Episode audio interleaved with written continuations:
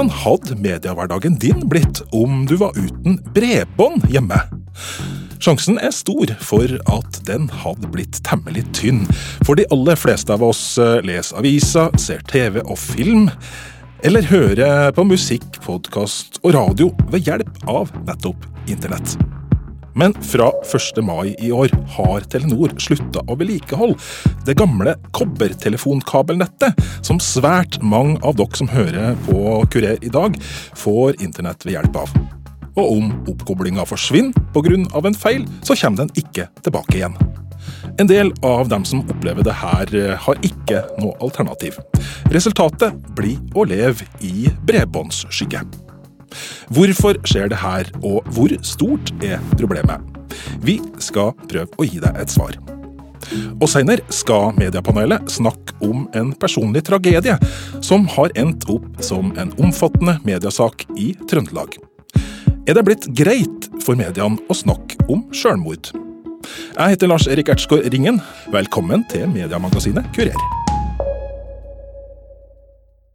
Telenor vil ikke reparere internettlinja til en gard i Fjaler pga. at det blir for dyrt. Linja har fungert godt i 15 år, men nå må bonden finne nettdekning andre steder. En av dem som mister dekninga, er Nord-Norges største eggprodusent. Han er helt avhengig av internettløsninger. Mange kommuner i Hedmark og Oppland har fortsatt svært lav bredbåndsdekning. Det viser en undersøkelse NHO har gjort. Det skaper store utfordringer både for næringsliv og vanlige familier som er avhengige av et raskt og sikkert internett. Det skulle ikke vært sånn i 2018 på et, eh, der en driver et eh, gassbruk og er fulltidsbonde. Så tenker jeg at dette burde være helt unødvendig. Når jeg satte meg ned for å søke etter nyhetssaker om folk som har mista eller ikke får bredbåndsoppkobling, i NRKs arkiver dukka det opp mange treff. Jeg finner historier om folk i utkantstrøk både i nord, sør, øst og vest, som må klare seg uten det de fleste av oss tar for gitt i hverdagen. Og nå har mange i landet vårt, kanskje også du som hører på programmet akkurat nå, fått et brev fra Telenor der de får beskjed om at det er en mulighet for at man kan miste internettilbudet som er basert på de gamle telefonkablene. Målet med dette er jo å varsle om to ting. Det ene er jo om eh, stopp av vedlikehold hvis det skulle skje noe på nettet ditt. Eh, og det andre er jo en sluttdato på når bredbåndet ditt, altså ADSL-linjen og fasttelefonen, blir eh, kort og godt tatt ned. Men det er viktig for meg å understreke at vi vi skal jo ikke ta våre kunder tilbake til steinalderen. Det vi skal gjøre, er jo å gi dem muligheten til å ringe, men med moderne teknologi. Med f.eks. ringe over internett, eh, eller mobilen, og tilsvarende da for internettet. Dvs. Si bruke mobilen eller fiber, altså som er mange, mange ganger bedre enn det tilbudet vi har i dag. Det Bjørn Amundsen, som er dekningssjef i Telenor, forteller her, er at kunder som fra nå av får feil på internettoppkoblingen sin, ikke kan regne med å få den tilbake, og at eh, ADSL-teknologien snart kommer til å forsvinne helt. Men hvorfor gjør Telenor det her? Altså, teknologien er jo gammel, og eh, vi ser at vi både har eh, et stort etterslep på, på vedlikehold, samtidig som ikke vi klarer å gi kundene våre de hastighetene som de ønsker på det gamle ADSL-nettet. Uh, og da må beslutningen tas, og den skulle vi kanskje tatt for lenge siden, men nå er den i hvert fall tatt. Så målet vårt er å få modernisert det som er i løpet av fire år. For de fleste av oss er det ikke det her noe stort problem. Man kan gå over på fiberbasert bredbånd eller internett over 4G-nettet hjemme. Men Amundsen innrømmer at det er en liten gruppe nordmenn som ikke har mulighet til å få bredbånd på noen annen måte. Men det er klart det er alltid noen kunder, uh, under 1% kanskje 0, et eller annet, som det er veldig bra at det finnes offentlige løsninger på, slik at vi kan finne gode løsninger sammen med kommunen. Og det er klart For den enkelte kommune så kan det være dyrt å være med på et spleiselag. På en annen side så vil de tjene inn igjen dette her lynraskt, hvis det kan bety at noen mennesker kan bo litt lenger hjemme pga. en digital hverdag som de ellers ikke har. Telenor planlegger å bruke fire år på å stenge den gamle teknologien. Fra 1. mai slutta de altså å vedlikeholde oppkoblinga til de første kundene. Har noen allerede mista tilgangen til internett? Nei, Det er ikke mange. Eh, vi snakker om noen svært, svært få. Jeg har ikke det nøyaktige tallet nå men, i hodet, men eh, det er kanskje et tresifret eh, kundeantall totalt i hele Norge som har blitt berørt, og de aller fleste av disse har vi funnet gode løsninger for. Isolert sett høres det kanskje ikke så alvorlig ut at noen hundre husstander har mista internettoppkoblinga si, men nå i 2019 er ikke internett bare luksus, men også en nødvendighet for å fungere i det moderne samfunnet. Mediepolitisk talsperson i Senterpartiet, Åslaug Sem-Jacobsen, er bekymra. Alle i det landet her bør jo være kobla til en infrastruktur som gjør at det er mulig for både de, ja, næringslivet, elever som kobler seg opp mot uh, skolen sin, uh, de som skal koble seg opp mot helsetjenester. Altså, det er så mye som er digitalt nå. Og vi er helt avhengig av at hele landet får tilgang til å benytte seg av den teknologien. Eh, og på samme måte som at eh, man bør ha tilgang på strøm, absolutt alle, så mener jo jeg og vi i Senterpartiet at alle også bør ha tilgang på bredbånd. Sem-Jacobsen er redd for at det her skal skape et slags digitalt klasseskille i Norge. Nei, for en Senterpartist som meg så gjør det faktisk nærmest litt sånn fysisk vondt å tenke på at vi på nok et område skal lage et litt sånt A- og B-lag. Hvem er det som skal få lov til å være en del av den offentlige debatten og bli opplyst, som man blir bl.a. via mediene, da, som du er ganske avhengig av internett for nå. Eh, hvilke områder er det som det alltid skal liksom være i bakleksa? Eh, jo, det er de samme, samme eh, distriktskommunene som ja, sliter med å få tilgang til andre offentlige tjenester. Men er det virkelig slik at det internettilbudet som folk får eh, i utkantstrøkene av Norge, er dårligere og dyrere enn det folk i byene får? Torgeir Waterhouse, som er direktør for internett og um, nye medier i IKT Norge, som er en interesseorganisasjon for det digitale næringslivet, tror at det er en myte. Men samtidig mener han at det er et reelt problem at ikke alle har god nok tilkobling. Det er en betydelig områder, eller betydelig andel av befolkningen som ikke har tilstrekkelig tilgang. og Det kan handle om at de ikke har i det hele tatt, eller at det handler om at de har en kapasitet som ikke er mer enn god nok. Og Det er ikke et klassisk by-land-problem som veldig mange vil ha det til å være. Det er områder i Oslo f.eks., Vålerenga, Nydalen, hvor du ikke kan få bredbånd. Så dette er mye mer sammensatt enn man er vant til å høre om i sånne saker. Og så er det også sånn at uh, du har um, områder hvor man har lav kapasitet. Og det er noe av det som er så bra med at man nå skal begynne å fase ut den gamle, velprøvde, har vært veldig verdifull for oss, men den gamle teknologien som kobbernettet er basert på. Nasjonal kommunikasjonsmyndighet har undersøkt hva slags eh, tilbud det norske folk faktisk har.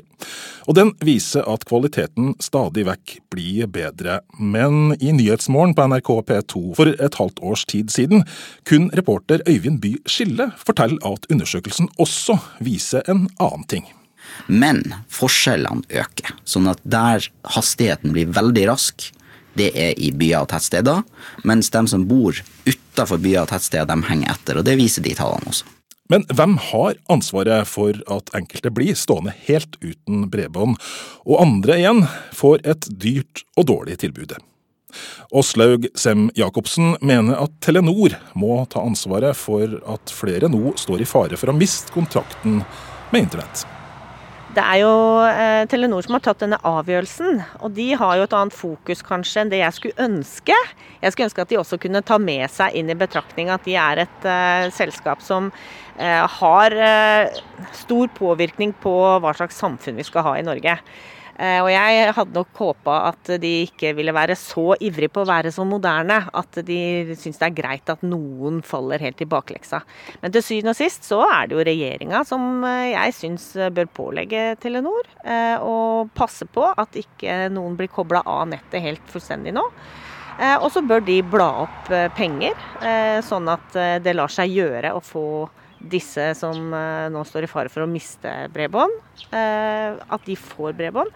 Og så har vi også en jobb å gjøre fortsatt med en del områder i Norge som ikke har bredbånd i hele tatt. Så til syvende og sist så er det regjeringa og samferdselsministeren. Torgeir Waterhouse, som altså er direktør i IKT Norge, er ikke like bekymra for Telenors utfasing av kobbernettet som det Åslaug Sem-Jacobsen fra Senterpartiet er. Det som er litt synd, er at i Norge så har det blitt sånn fokusert på at det er et problem at koblene til skrus av. Det burde jo alle feire. Det er jo kjempebra. Det er en festdag eh, når man går fra den gamle teknologien som skal fases ut, og over på den nye teknologien som gir mer muligheter. Flere land i Europa har innført, eller vurderer å innføre, leveringsplikt på bredbåndsinternett for å unngå det at kommersielle selskap bare bygger ut i de områdene der det er lønnsomt, og ignorere tynt befolka områder. I Norge har Telenor allerede en slik leveringsplikt på telefon, men ikke på internett. Torgeir Waterhouse mener at det ikke er en god idé å innføre leveringsplikt på bredbånd i Norge. Nei, det vil være en dårlig idé i Norge av flere årsaker. I hovedsak så handler det om geografi og topografi og, og, demografi. Det er sånn at I Norge så har vi en veldig høy utbyggingsgrad. Vi har en veldig høy uptake av, uh, av høykapasitets bredbånd hjemme hos folk og i næringslivet. Mye mer enn land som har uh, mye mer statlige penger til utbygging, eller som har leveringsplikt og tilsvarende ordninger. Så det vi ser i Norge, er at den løsningen vi har fungerer veldig veldig godt. Og så må vi gjøre mer grep for å kompensere de stedene det ikke er kommersielt lønnsomt å bygge ut. Men nettopp den markedsbaserte modellen vi har, har gitt oss den høye dekningen og høye utbyggingen vi har i Norge i dag. Så det er viktig å ikke rote til det med ordninger som er bedre egnet for små land hvor folk bor tett. For å gi dem som ikke er interessant for de private selskapene som skal tjene penger, bredbåndstilgang, har norske kommuner mulighet til å søke om statsstøtte for å bygge ut bredbåndstilkobling i utkantstrøk. I statsbudsjettet er det satt av 100 millioner kroner i året til denne utbygginga. Det mener Torgeir Våterhavs er for lite. Han har et klart råd til politikerne. Det er egentlig veldig enkelt. Bruk mer penger hvert år. Da blir man ferdig på færre år og kommer raskere i gang med verdiskapningen basert på de pengene. Hvorfor er det en god idé? Helt enkelt fordi at det har stor verdi både som i folks liv og, og verdiskapningsmessig for, for, Norge. At alle er på nett, og alle har tilgang på bredbånd. Og Grovt sett så vil det være det samme beløpet som må brukes i støtte uansett, men vi kan gjøre det raskere ved å bruke mer penger over få år istedenfor mindre penger over mange år. Da regjeringen offentliggjorde revidert statsbudsjett for noen dager siden, ble det kjent at det er bevilga 50 millioner kroner ekstra for å sette fart på arbeidet. Åslaug Sem-Jacobsen fra Senterpartiet oppfatter det som en slags innrømmelse. Ja, der kom det 50 millioner, så det opplever jeg som en innrømmelse av at man har skjønt at dette her ikke er helt eh, rettferdig og riktig. Men uh, hvorvidt det er nok, og hvorvidt uh, det er tidsnok, det er et annet spørsmål. For så vidt jeg har forstått, så er det allerede mennesker, husstander, familier, lokalsamfunn som har blitt kobla av fordi at man har slutta å vedlikeholde kobbernettet. Det er altså litt over en måned siden Telenor begynte å slutte vedlikeholdet av de gamle kobberbaserte internettlinjene, slik at abonnenter står i fare for å miste bredbåndet sitt. Bjørn Amundsen forteller at flere kunder allerede har gjort det, men at Telenor i mange tilfeller har valgt å bryte planen om å la være og rett feil. Det har vært noen enkeltkunder som eh, har gjort at vi har reversert, dvs. Si feilrettet og fått kundene tilbake igjen. Men målet vårt er jo ikke å få kunden tilbake igjen på denne gamle teknologien. Målet vårt er jo å finne gode løsninger, enten med mobil eller fiber, for alle, og det er viktig for meg å understreke.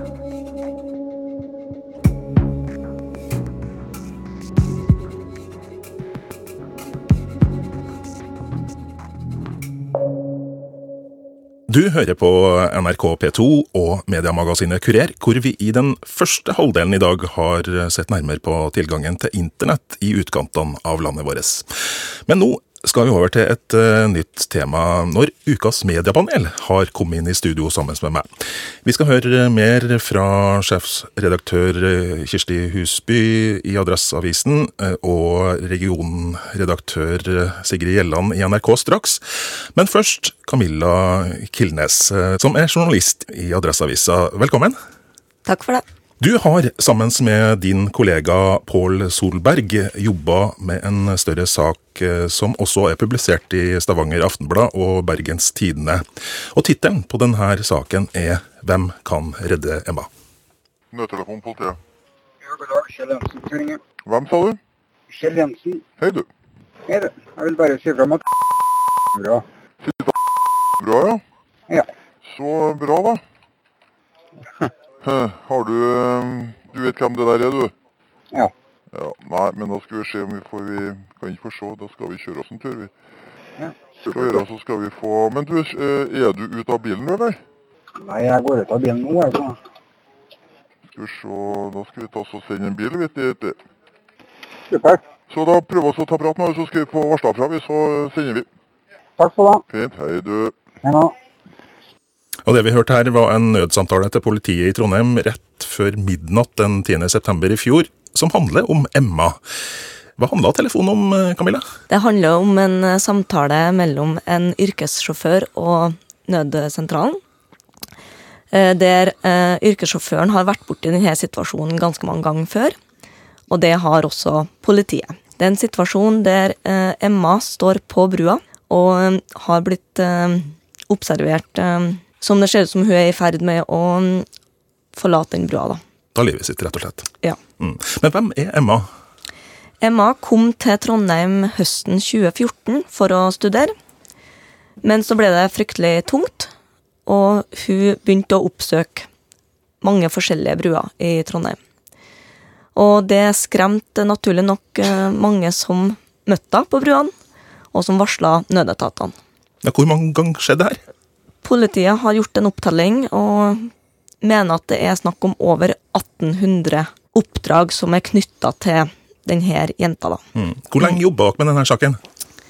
Vi har jo visst om saken eh, i flere år, eh, men vi har vel jobba sånn ganske jevnt med den i over et år. Hva var det som gjorde at dere valgte å, å ta tak i den? Eh, I starten så var det kanskje mer en nysgjerrighet hvordan dette kunne pågå over så lang tid, uten at man helt klarte å se hva som ble gjort for å stoppe det. Kirsti Husby, du er jo sjefsredaktør i Adressa og Camillas eh, redaktør.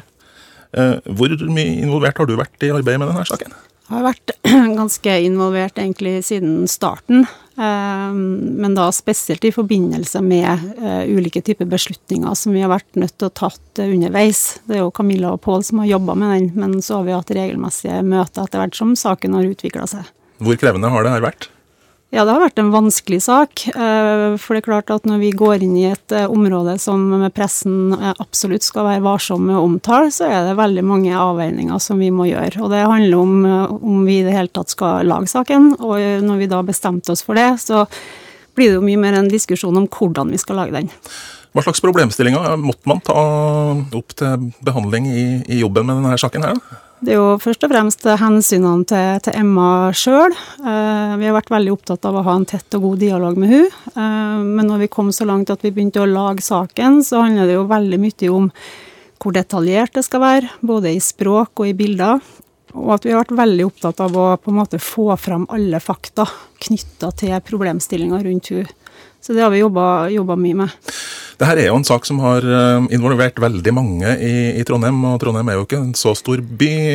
Det var jo en sak som Adressa fikk mange tips om tidligere, også leserinnlegg om, om det her som dere valgte ikke å trykke. Hvorfor valgte dere ikke å, å kjøre saken på, på et tidligere tidspunkt? Vi har nok hatt en ganske sånn restriktiv linje i forbindelse med det som handler om selvmord og selvmordsforsøk. Og det, vi kan jo kanskje beskyldes for å ha vært for forsiktige òg, men jeg tror nok omtale av denne type problematikk i pressen også senere tid har, har utvikla seg litt. Vi vet jo f.eks. at forskere sier at det kan ha en forebyggende effekt hvis man omtaler det uten på en måte å gå i veldig detaljer osv. Så videre. sånn at um, det var jo først da vi begynte å undersøke saken, at vi på en måte så en grunn til at det var viktig at vi, at vi gjorde det her. Sigrid Helland, sjefsredaktøren i Adressa, sier her at det har vært en bevegelse i pressa her. Hva var utgangspunktet? Utgangspunktet var jo at vi som hovedregel ikke skulle omtale selvmord i det hele tatt. Og så har vi fått en justering av Varsoms til at vi skal være varsom når vi omtaler selvmord og selvmordsforsøk. Og nå er det jo en ny bevegelse i retning større åpenhet. Og det skyldes vel, eh, tror jeg da, at åpenheten i samfunnet generelt rundt det som en gang i tida var tabu, det endrer seg. Det er ikke like tabubelagt, verken psykiatri eller eh, selvmord, selvmordsforsøk. Og media skal jo reflektere samfunnet, og vi skal jo stimulere og bidra i den offentlige debatten. Og da må vi jo også ta i det som er vanskelig. Så jeg syns Adresseavisa har gjort en forbilledlig jobb med den saken her. Det har vært et tema i Trondheim på folkemunne, den jenta sin situasjon. Og alle menneskene som har møtt på henne på de bruene. Og Adresseavisa har greid å gjøre det respektfullt og nøkternt og opplysende. Camilla, hvordan uh, syns Emma sjøl det har vært å være en offentlig person med denne veldig sterke historien? Vårt inntrykk er at hun har syntes at det har vært uh, greit. Hun ønsker at uh, personer i lignende situasjoner skal få hjelp. Hun håper at hennes historie kan hjelpe flere. Og hun har også sagt at hun synes det har vært um, fint å, å, å, snakke med oss om, om saken. da. Men Kirsti, er det riktig å ha full åpenhet om dette temaet, eller er det fremdeles uh, greit å ha litt bremsene på når det gjelder om, å snakke om selvmord, f.eks.? Ja, altså det er ikke, det er ikke altså full åpenhet. Jeg tenker at det er viktig at man behandler det her temaet, men det, så ligger det noen kriterier til grunn for hvordan du skal gjøre det. Så der må man være veldig forsiktig, fordi man vet at eh, en del eh, type omtale kan føre til smittefare. Den ligger fortsatt der. Eh, men jeg tror nok at vi kan godt våge å bevege oss mer inn i det området, basert på også den kunnskapen som en god del eksperter har delt med oss i senere tid. Om at det også kan på en måte ha denne forebyggende effekten gjort på rett måte. Så kanskje ikke sånn full åpenhet om alt, men jeg tror absolutt at vi kan ta mer i denne type vanskelige problemstillinger. Dette er jo et eksempel på et, et uh, saksområde innenfor journalistikken som er krevende når det gjelder etikk og, og de valgene du må ta. Finnes det andre saksområder som er vanskelig å ta opp, som kanskje blir underrapportert pga. at det er så vanskelig? Ja, det, det, kan godt tenkes. Altså, det er jo klart at veldig mange saker innenfor denne type tematikk, psykiatri, barnevern osv., det er jo ganske krevende. Altså, de er jo krevende etisk, men det er også krevende saker ressursmessig å gå inn i, fordi det krever mye undersøkelser før du i det hele tatt kan identifisere om det her er en sak. Du kan få et godt tips. Og så må du jobbe med å få åpna mappene, få åpenhet rundt hva som står. Og bare det i seg sjøl er en prosess. Men jeg, jeg tror jo det at vi, vi helt sikkert har, har, noe å gå på når det gjelder altså, også de her områdene. Nei, Jeg er veldig enig med det som eh, Kirsti sier. Altså Åpenhet på det, det saksfeltet her eh, skal jo ha en funksjon. Så, og det er jo det Kirsti egentlig snakker om. Ikke, det er ikke noe poeng å omtale et kvart sjølmål eller et kvart sjølmordsforsøk, men vi må sette det inn igjen der det har en samfunnsmessig betydning. Der må vi gå inn i det. Men det er jo det som også har vært vanskelig. Eh, men det er i endring, altså. Du har hørt eh, mediemagasinet Kurer. Takk til journalist Camilla Kilnes, eh, sjefsredaktør Kirsti Husby fra Adresseavisa og regionredaktør Sigrid Gjelland i NRK. Tekniker var Børge Johansen, og produsent var Randi Lillealteren. Jeg heter Lars Erik Ertsgaard Ringen, og er glad om du kommer med gode tips eller innspill til tema i Kurer. Da når du redaksjonen på e-postadressen kurer. alfakrøll nrk.no.